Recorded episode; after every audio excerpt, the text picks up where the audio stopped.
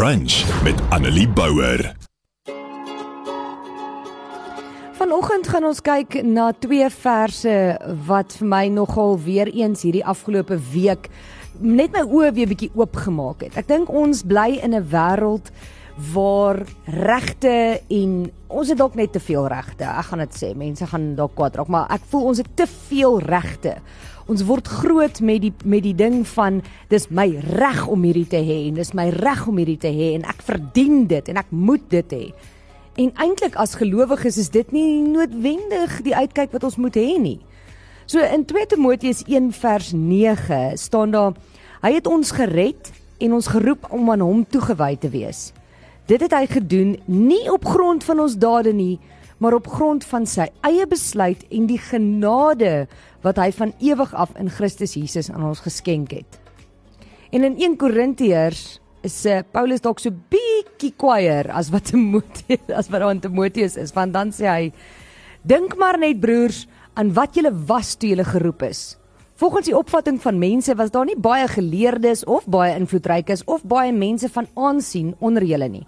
Basically sê hy hier hulle is niks werd nie. Dan sê hy in vers 27 en tog wat vir die wêreld onsin is het God uitget kies om die geleerdes te beskaam. Wat vir die wêreld swak is, het God uitget kies om die sterkes te beskaam. En wat vir die wêreld sonder aansien of betekenis is, ja wat niks is nie, het God uitget kies om wat iets is tot nut te maak. En dan die vers waarop ek wil fokus, som hy hierdie dan op en dan sê hy: "Voor God het geen mens dis iets om op te roem nie." Voor God het geen mens iets om op te roem nie want is alles net God se genade. Alles wat jy het, alles wat jy is, al die dinge wat jy in jou lewe bereik, is God se genade. As dit nie was vir God se genade nie, was jy nie hier nie. As dit nie was vir God se genade nie, het jy nie die talente gehad wat jy het nie. As dit nie was vir God se seën en genade nie, het jy nie die familie gehad wat jy het of die werk wat jy het of die lewe wat jy lewe nie. En ons praat baie keer oor 'n dankbare lewe lei. Jy weet dat ek gereeld noem dat ons bietjie meer moet ons seëninge tel en dat ons moet raak sien wat God vir ons doen en dat ons 'n dankbare lewe moet lei. Maar wat hierby aansluit en wat jou help om 'n dankbare lewe te lei, is om te besef dat niks te danke aan jou is nie.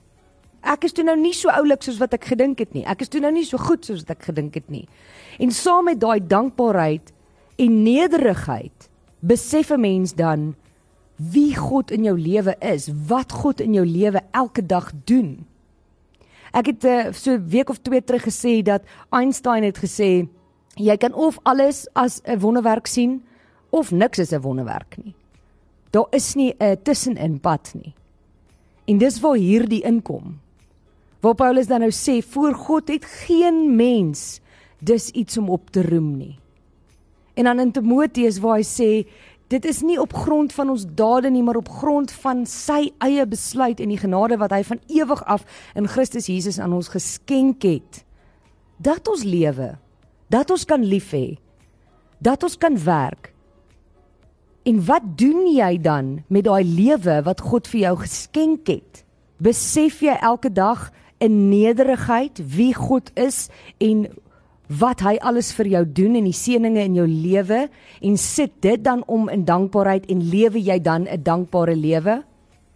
Ek dink die mooiste ding wat ek al gesien het oor dit en van iemand wat ek voel dit verstaan het, was Koos Du Plessis wat geskryf het oor gebed. Niks wat jy reg kry in jou lewe of wat jy oorkom of moeilike tye wat jy deurgaan of dit wat jy fisies het of dit wat jy geestelik het kom van jou af nie. En Koos Du Plessis het verstaan want hy skryf in sy sy liedjie gebed sê hy laat my nooit die grond verlaat nie laat my in die skadu bly. Maar dan sê hy gee dat elke aardse vreugde en vrees eintlik nietig word vir my. Dat daai vreugde en daai vrees nie saak maak nie want dit is nie deur my nie. Hy sê dan ook dat hy sondig is want hy sê hy ken elke afdraaipaadjie Hy verdwaal elke keer. Maar dan verduidelik hy weer God se genade deur te sê en elke keer het U my iewers kom haal. In my donkerste gat, in my laagste laag, het U my kom haal. Maak nie saak waar ek afgedwaal het nie. En dan vra hy die Here want hy weet niks, hy's niks, hy kan niks self doen en dan sê hy vir die Here asseblief Here maak dit die laaste maal. En dan praat hy oor God se genade en dankbaarheid wat hy daarvoor het want dan sê hy elke dag is 'n gedagte, elke kamer net gehuur, elke aardse droom van rykdom en roem en hier kan jy jou eie woorde insit wat vir jou belangrik is sê hy net 'n skade weet teen die muur. En dan dan sit asof hy hierdie verstaan want dan sê hy wat ek is is net genade. Wat ek het is net geleen. Eintlik smag ek na u waters van rus.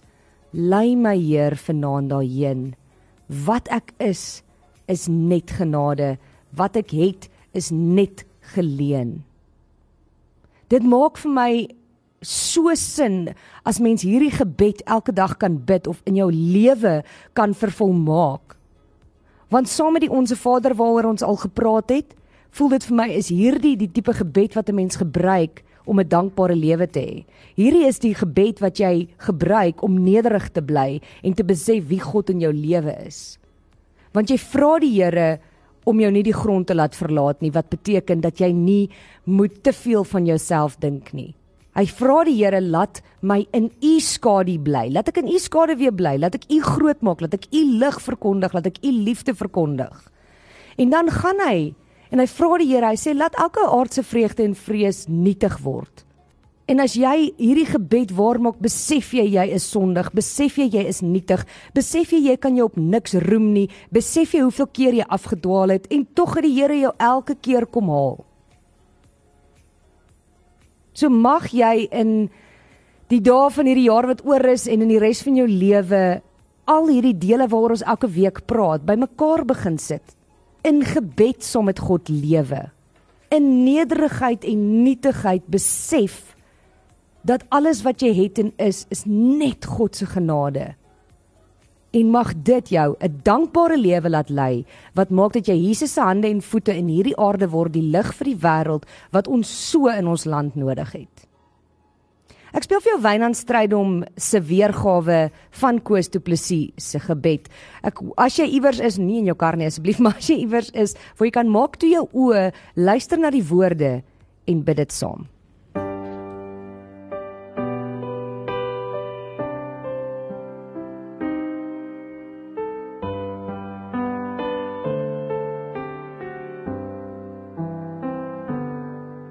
Op Groot FM 90.5